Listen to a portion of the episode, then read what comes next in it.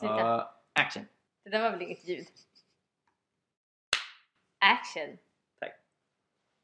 Nej, vi måste kl- klappa efter vi har sagt action. Action! Så. Vadå så? Så! Så ja! Så ja, nu börjar vi! Förra avsnittet så pratade vi om konstiga kristniska ord. Och så kom vi på ett precis när vi slutade som var väldigt, som är väldigt kristniskt. Som hände oss när vi var i, kyr- i, i en kyrka i söndags. Då, då, ja, men då satt vi där i bänkarna Mm. bänkarna som man gör. Eh, och så, så, så sa de där framme typ ah, typ ah, vad roligt att ni alla är här. Ta och hälsa varandra med Herrens frid i bänkarna. Du sa att vi skulle göra vad? Alltså jag förstår ju som Ja. uppvuxen i pingstsammanhang. Ja. I pingstsammanhang så säger man nämligen inte hej utan man säger frid. Ja. Eh, För att det var väldigt syndigt att säga hej. Det var med i syndakatalogen. Jaha. Ja. Varför? Nej, det är för att det är ett gammalt vikingaord som är hedniskt. Jaha. Så det kan vi absolut inte använda. Men de använder ord som söndag och måndag och tisdag? Mm, precis, men inte hej. Inte Akta dig. Ja, nej. Utan man säger frid. Så hälsa varandra med Herrens frid. Det innebar att vi skulle skaka i hand och bara Frid. Frid. Tack. Frid. Frid. Frid. Mm. Ja. Ja. Det är kristniskt. Men om man bara kristniskt. översätter till engelska så blir det istället väldigt, väldigt hippt. Peace. Peace bro! Peace bro. Peace! Yeah! Uh-huh. Yeah! Come on! Let's do this podcast. Uh-huh. Let's do waiting this you. podcast. Podcast. Let's do this podcast. Jag kommer aldrig bli fri från brittiska. Nej. Nej. Hej! Hej! Och välkomna till Jesusfolket. Tack! Eh, idag så heter jag Sara. jag heter Gunnar. Välkommen! Jag heter Mikael, för er som inte vet det. Okej, Mm. tack. Varsågod. Jo, eh, och i det här podcastavsnittet podcastavsnittet så ska vi prata om Känslor! känslor. Woho! Låt oss Hoppas prata ni- känslor. Hoppas Mikael, ni känner er redo. mm, Mm. Mikael, du är Ja. ju man. Jag är Tycker man. du att det här känns svårt? Ja, verkligen. Ja, verkligen. prata om känslor. Det brukar de Ja. ju ha svårt för. Precis. Stackars. Om jag kunde gråta så hade jag nästan gjort det nu. Mm. Men det vore inte passande. Nej, och jag förmår Håll, inte. håll det inne. Ja, alltså, det har jag gjort i 25 år. Mm. I vilket fall. Ja. Men eh, känslor är Mm. någonting som man pratar ganska mycket om. Tror jag. Eh, I kyrkan Oh, och ja. bland kristna. Mm. Eh, jag vet inte om ni känner igen er i det. Men att, att det finns hela tiden den här konflikten mellan att bejaka känslor och betona känslor och Mm. att nästan överbetona känslor Mm. till att ja, alltså ganska så här, vad heter det? Neglect? Ja, Eh, neka. ne- förneka För- förne- känslor. Ja, precis. Eller inte, förne, inte förneka egentligen, inte bara nej, nej, nej, jag känner ingenting. Utan, utan snarare att bara hur mycket ska jag gå förbi mina spontana känslor kring saker och göra Mm. någonting ändå? Ja, precis. Se bort de känslorna. Mm. Exempelvis, ska jag bara be när jag känner för att be? Mm. Eller ska jag skapa en rutin i mitt liv där jag ber oavsett vad jag känner? Exakt. Exakt. Den konflikten, eller inte konflikten, men den eh, balansen Ja. är någonting som jag tror vi pratar ganska mycket om och som är väldigt svår och därför pratar vi mycket om det. Ja, och, men det är av en konflikt. Alltså, väldigt mycket av de stora skillnaderna mellan de, de egentligen två stora trenderna i hur man gör kyrka, som kallas för högkyrklighet och lågkyrklighet. Det handlar väldigt ofta om känslor. Mm. Att lågkyrklighet, det är mer din typiska frikyrka med lovsång och spontanitet och karismatiskt gudstjänstliv. Men högkyrklighet, Mer det, känslobetonat är och, det. ja precis, och det är mer känslobetonat medan högkyrkligt eh, det är liksom katolsk eller eh, som i domkyrkorna i Svenska kyrkan med ehm, Liturgi. liturgi och tända ljus och Liturgi psalmer. betyder alltså gudstjänstordning. Ja, precis, precis. Och folk är tysta och viskar när de kommer in. Och det handlar ganska mycket om att det inte ska vara så känslosamt. Precis, att så här, vi, vi utformar gudstjänsten exakt så här för att vi alltid har utformat den exakt så här och det Mm. spelar ingen roll hur vi känner. Så här ska det vara. Precis, precis. Och många kristna förnyelserörelser som frikyrkorna ju Mm. har varit, som växer fram, de är till början väldigt känslomässiga, väldigt spontana. Mm. Och sen efter tid så blir det mer stru- Mm. struktur, Struktur. och organisering. um, googla Alejandro Bergström om ni vill veta vad det är Fuentes. Ja. Alejandro Fuentes Bergström om jag Tack får så be. Varsågod. I vilket fall. Eh, han talar om struktur och det har man efter ett tag. Det blir liksom mer och mer. Nu Ja. finns ju en pingkyrka i Malmö, United, som är jätteluthersk och har liksom nattvardsbord och prästkrage och, Mm. och sådär. Precis, Mm. som har varit väldigt, väldigt frikyrklig och Precis, de gjorde den resan på 10 år ungefär. Mm. Vanligtvis tar det 100. Ja, men det är också det här... ehm, Oj, vad var det jag tänkte på? Mig. Nej, Har du inga känslor för mig? lite. Jo, jo, jo, det tänkte jag ta upp som exempel. I pingströrelsen i synnerhet eh, så finns det liksom eh, en... Alltså för att, för att det hade sin början i en, i en rörelse som, som ville ta avstånd från det här högkyrkliga och från det här eh, ja, men, uppstyrda som man tänkte typ hindrade Guds ande från att verka och från att styra, eh, styra en i spontanitet och så. Eh, så, så, har, så har det liksom funnits, eller att det fortfarande finns folk som, alltså predikanter som liksom lite lägger sin ära i att inte förbereda sig. Utan bara så här, helig ande ska leda i stunden. Eh, och att man så här, ofta blir det ganska dåliga predikningar, väldigt långa. Väldigt sådana här gubbar som tycker om att hålla låda alldeles för länge. Och tycker om att höra sin egen röst. Eh, och Ja, det är härligt. Jag brukar lyssna på våra poddar bara för att höra min röst. så narcissistisk. Tack. Nåväl. Eh, Jag ska bli president en dag. ja, jag, får se. jag hoppas det. Alla ska böja knä för Jesus. Tack. Ja, nej men, men jag tror att det, det är liksom för mig, för mig är det så här, typ kulmen av känslobetoning inom Mm. kyrkan. Att så här, inte ens predik, predikan ska förberedas utan man ska liksom bara stå där i stunden och bara göra en predikan och lita på att det är Guds ande som leder. Mm. Och börjar man förbereda då, då kan inte då kan inte Gud leda inte. Mm. Det vore ju tragiskt. Precis. Och det, det, är så mycket fel bara det här med normen kring att liksom kyrka är att samlas i en byggnad och lyssna på en snubbe som snackar. Mm. är ju inte det Nya Testamentet beskriver. Men det är inte temat för dagens podcast. Nej. Men förutom känslohysteri när det gäller ehm, då i synnerhet karismatisk kristendom, vilket är ju förståeligt för man har en erfarenhet av att wow, Gud gör mirakler idag. Mm. Eh, och liksom, vi ser helanden och vi får profetiska medel från Gud. Mm. Så liksom, det, det är väldigt erfarenhetsbaserat och då blir det mycket kring känslor. När känslorna försvinner eller erfarenheten blir annorlunda så liksom faller det platt till marken.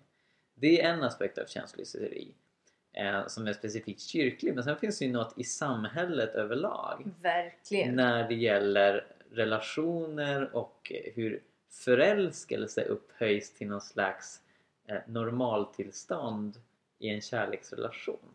Mm. Precis. Men, alltså, så här, vi lever ju i ett otroligt känslofixerat samhälle. Mm. Extremt. Och att det liksom är normen. Det normala utgångsläget i våran värld idag är ju liksom att man ska vara ständigt glad annars är det något som är Mm. fel. Mm. Mm. Ehm, och det, jag, jag tycker det är jättemärkligt. Men, men eh, ja, och just det här med förälskelse. Mm. jag tror att Hollywood på många sätt har kidnappat förälskelse. Ja, verkligen. Eh, verkligen.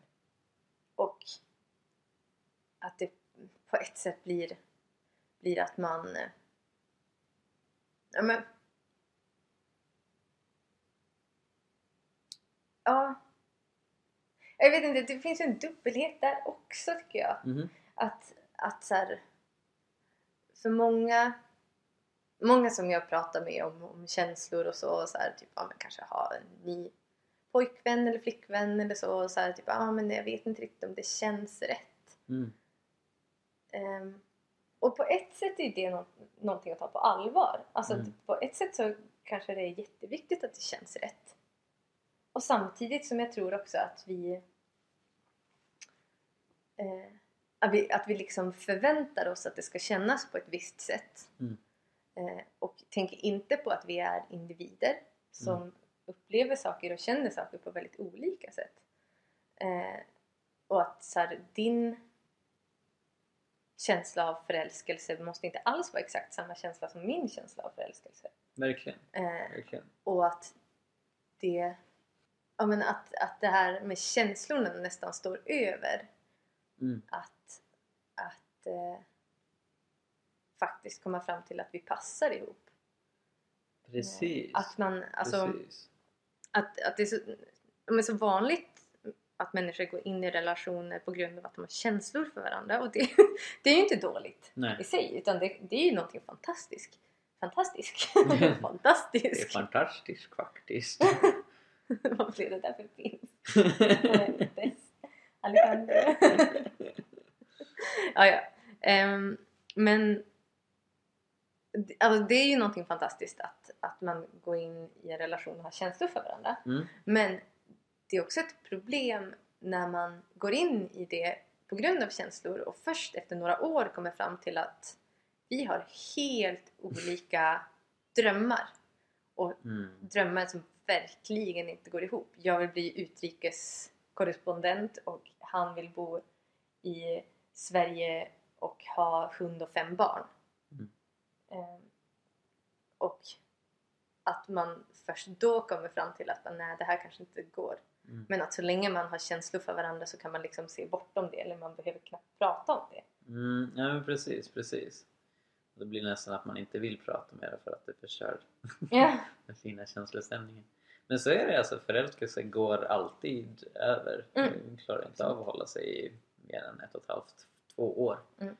Ehm, och det är ju väldigt tacksam över att du och jag från första början satte oss ner och pratade just om vår vision och våra värderingar och vad vi vill med framtiden. Mm.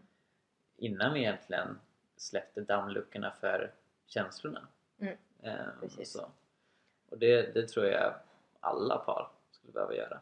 Det- Ja, och det, man måste ju inte alltså så här, utgå ifrån ett läge där man inte har känslor för varandra för Nej, att göra det.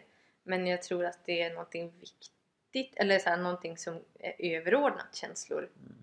Ehm, för, för att ha en hållbar relation i längden.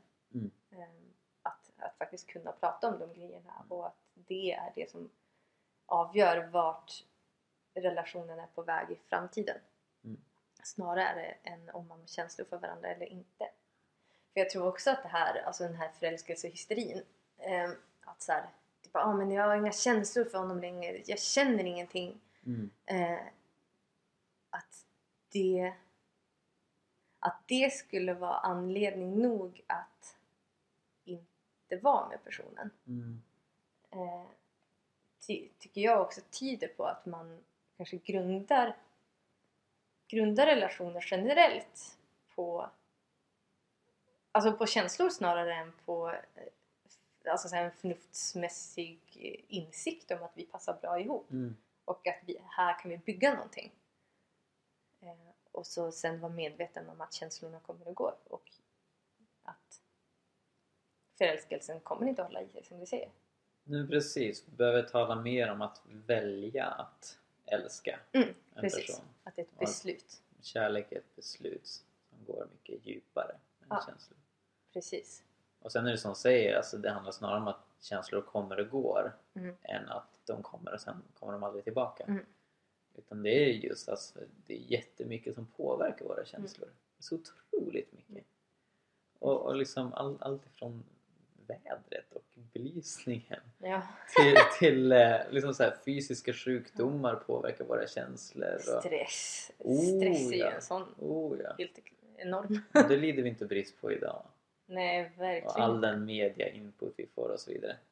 Mm. Så, så liksom om man inte känner samma sak för sin partner som man gjorde dagen innan så behöver inte det ha något som helst med partnern att göra eller en själv. Eller med relationen att göra. Eller ex, exakt, exakt. Eh, ja, men så här, jag tror att det mycket faktiskt handlar om att man, att man har någon slags tanke på att, att älska någon är att känna att man älskar någon. Mm, mm. Medan det är ju, alltså för mig är det helt frånkopplat känslor faktiskt. Ja, Alltså att, att det jag... märks. Nej men så här, att, att jag älskar dig handlar inte om att jag känner att jag älskar dig. Utan det handlar om ett beslut jag har gjort att Mm. jag, alltså eftersom att jag tänker att, att älska någon är en handling framförallt snarare än en ehm,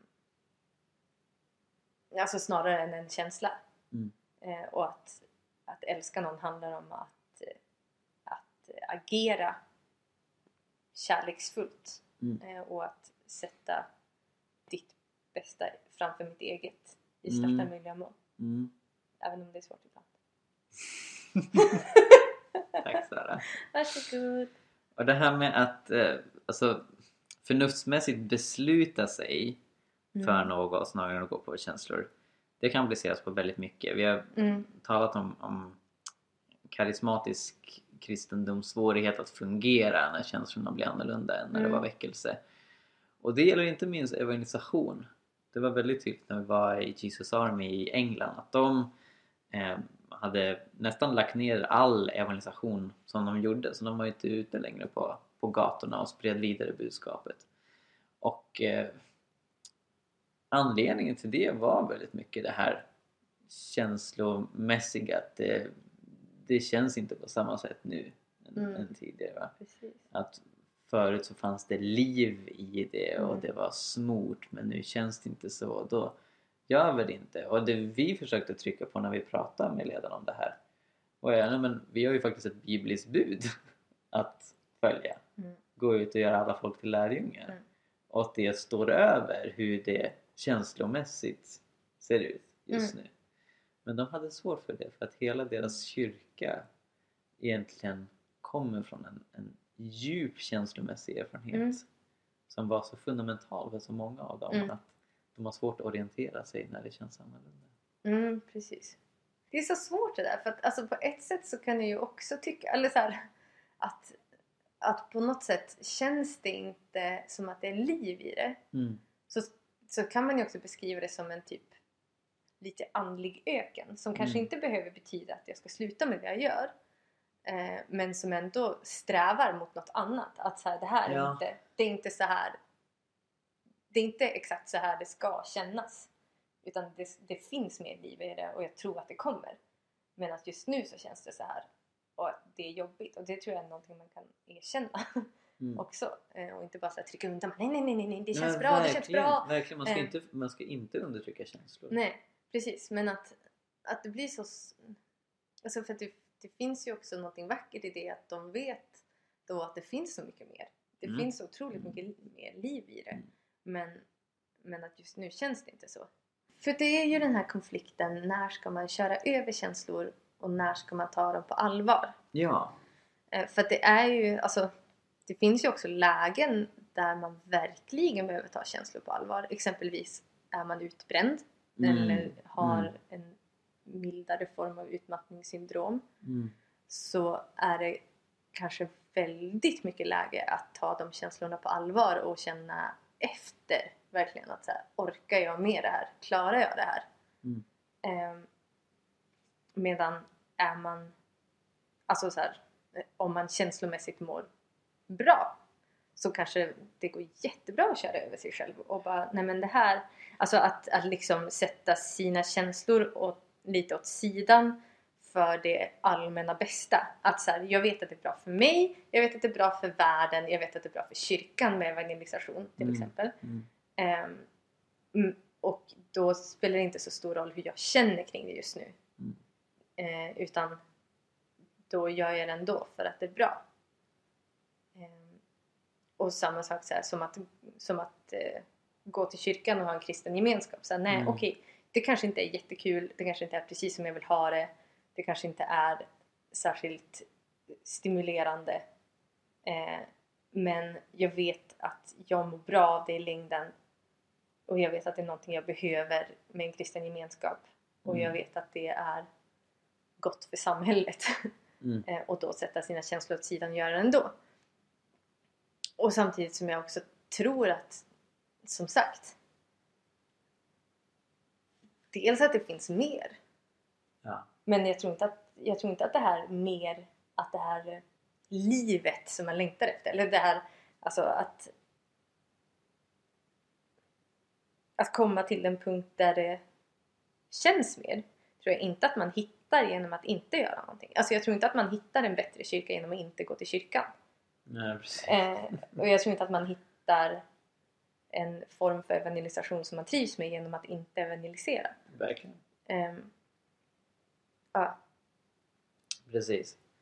Och, alltså, kyrkans uppgift att vara den gemenskap som Jesus startade ehm, och följa Jesus som de tidiga lärjungarna. Mm. Det är ju en, en kollektiv uppgift som vi gör Mm. tillsammans och hänger inte på enskilda individer för enskilda individer kan brännas ut eller Mm. liksom ehm, behöva återhämtning och så vidare. Ehm, så det är två olika saker. Det jag frågade ledarna för Jesus Army flera gånger var okej, ni säger att ni la ner organisationen för att det saknar liv. Era gudstjänster har inte jättemycket action. Mm. Men det lägger ni inte ner därför att det, där inser ni ändå att vi, vi behöver hålla en struktur, en rutin uppe. Det är bara att organisationen såg som ett litet... Eller, det hänger väldigt ofta löst. Och det är samma sak med Mm. hjälp till fattiga. Det är så här, okej, om det blir för svårt, då skippar vi det. Men liksom saker som vi alltid vill ha för Mm. oss själva, det liksom, eh, håller man hårt vid. Men, men jag har också tänkt på det.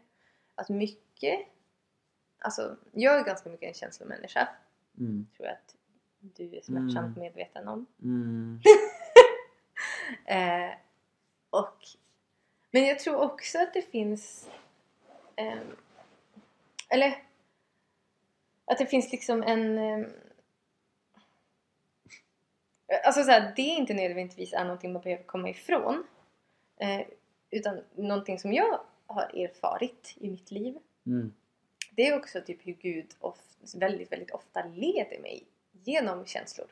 Mm. Eh, och då brukar jag personligen eh, skilja på ytkänslor och djupkänslor.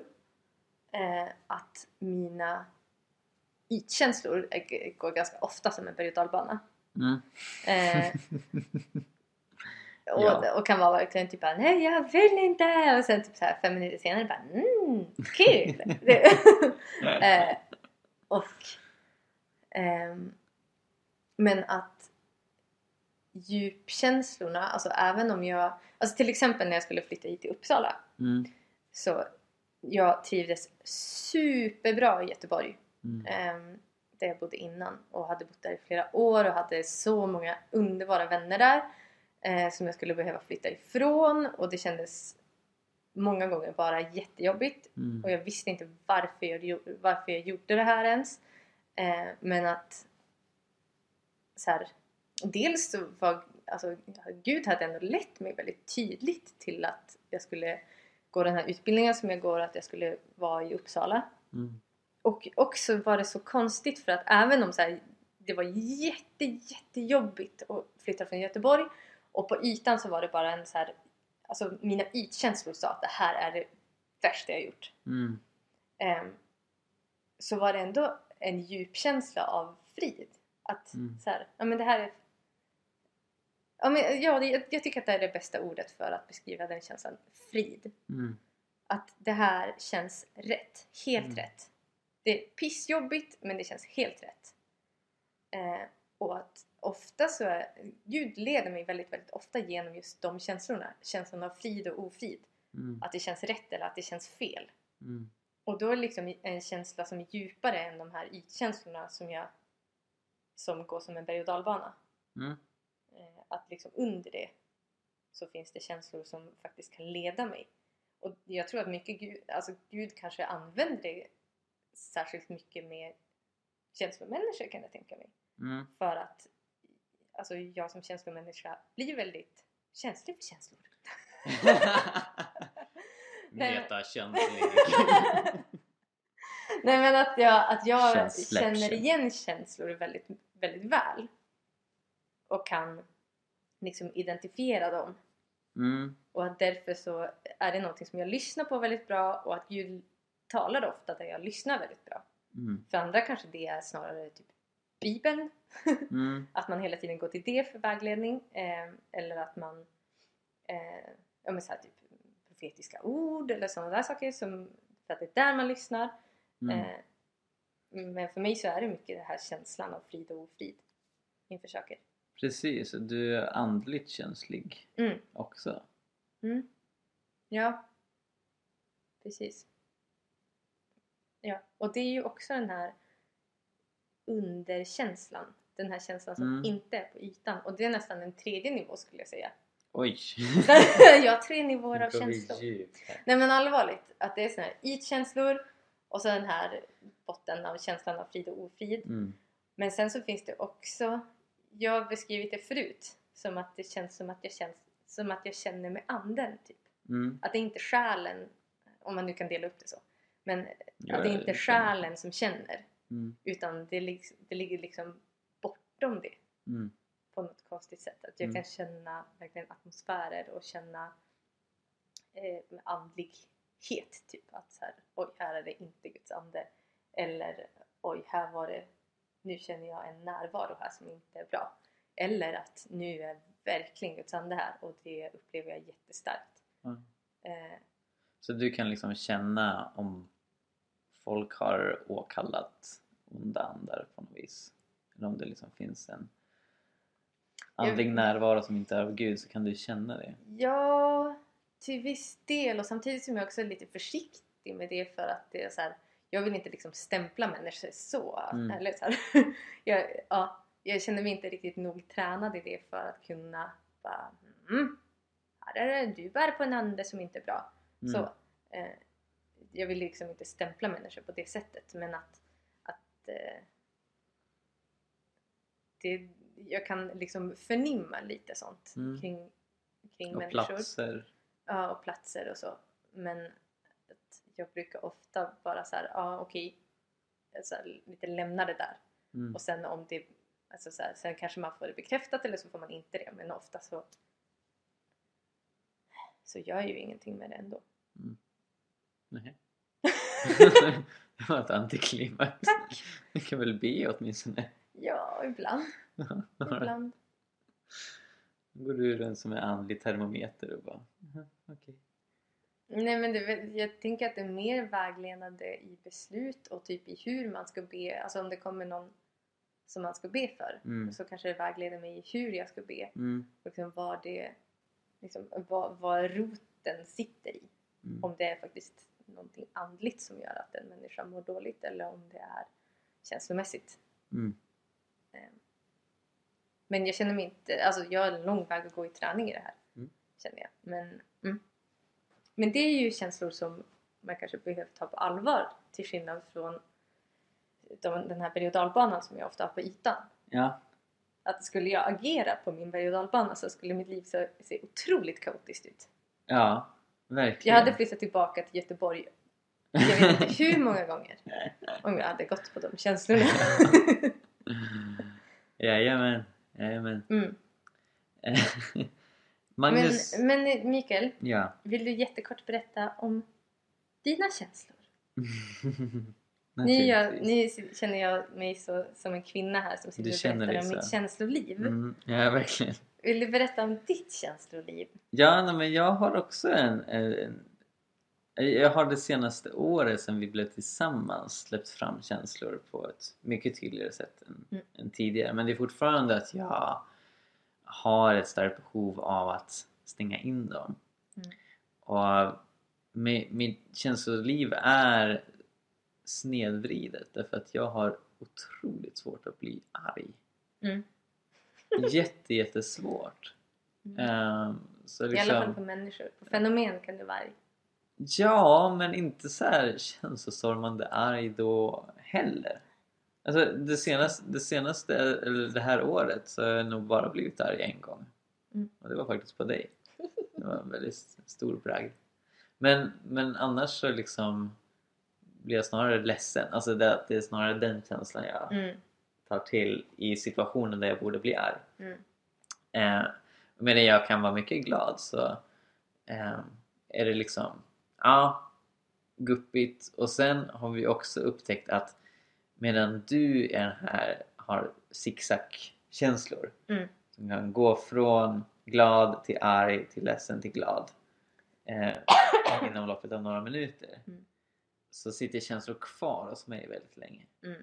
Så om jag blir ledsen på någonting då kan liksom den känslan eh, vara närvarande i timmar. Även Mm. när det inte finns någon som helst anledning längre att känna den känslan. Mm. Och det är väldigt jobbigt. Mm. För då kan jag bli, bli nedstämd och du Mm. frågar men vad är det? Och jag säger men det där som hände för tre timmar sedan. Och det är liksom eh, ja, det, Mm. det är väldigt irriterande när jag försöker Mm. jobba på för att det, det har ju med uppväxt och, och Mm. historia att göra.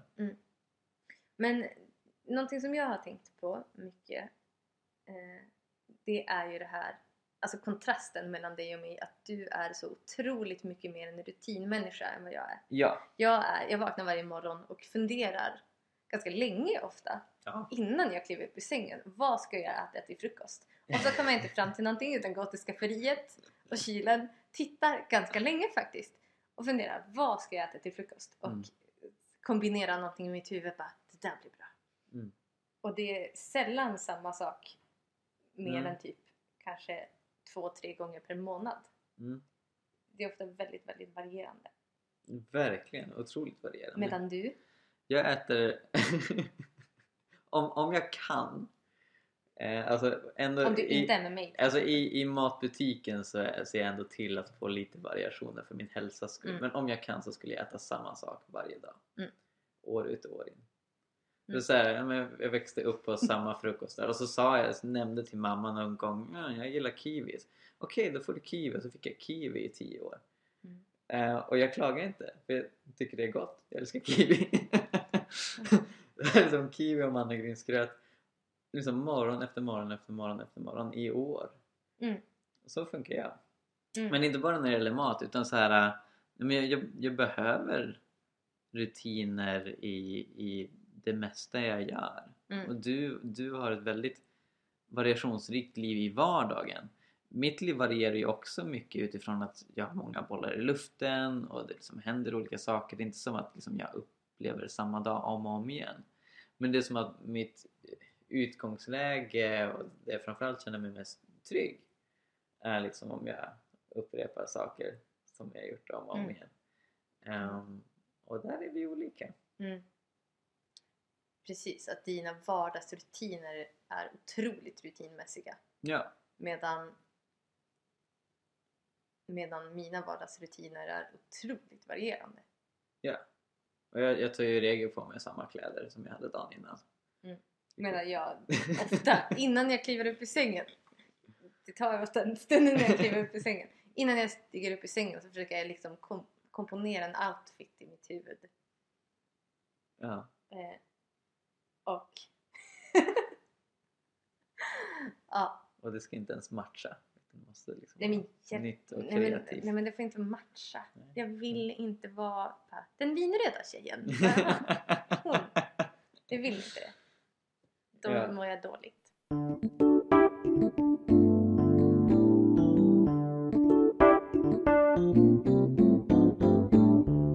Det finns en eh, man som heter Magnus Malm som är en extremt bra författare. ja. Har ni inte läst någonting av honom så snälla gör det och låt det ta tid. ja. För det, man kan knapra på hans texter otroligt länge. Eh, men han har i alla fall skrivit en bok som heter Vägvisare. Som också är en underbar bok om ledarskap. Eh, och där så pratade han om eh, om just den här konflikten mellan känslor och rutin. Mm. Eh, och då han tryckte på att skapa goda vanor som tål att nötas på. Och med det så menade han att, att eh, skapa goda vanor där du inte lägger ribban för högt. Eh, och att Alltså så här, att, att skapa vanor som, som man kan hålla på med i åratal. Att så här, jag ber en kvart om dagen. Mm. Det kommer inte vara för mycket begärt även när jag mår jättedåligt eller har ett superstressigt liv. Eh, Så klarar de allra flesta av att be en kvart om dagen. Och att även i, även i perioder då jag kanske kan be i timmar om dagen Mm. så ändå mitt mål eller min så här, ribba ligger fortfarande på en kvart om Mm. Eh, ja, men att på det sättet komma ifrån känslor både när det känns som att jag vill göra mer och när det känns som att jag vill göra mindre. Så ligger man ribban där liksom mitt emellan för att klara av det oavsett hur man känner och mår. Mm. Eh, och jag, tror att en, jag tror att det är en väldigt bra lärdom. Mm. Eh, I synnerhet typ för sådana som jag som har otroligt svårt med rutiner. Som så här, verkligen typ bara Känner jag för att be? Nej. Eller typ bara Jag känner verkligen för att be. Och så ber jag jättelänge. Mm. Men att det händer kanske en, två gånger i veckan Mm. som mest.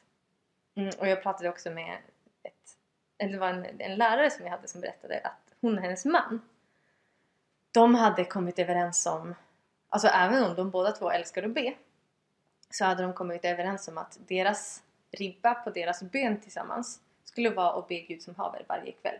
Mm. Eh, och att klarar de det i alla 50-60 år som de är gifta då är det bra. Mm.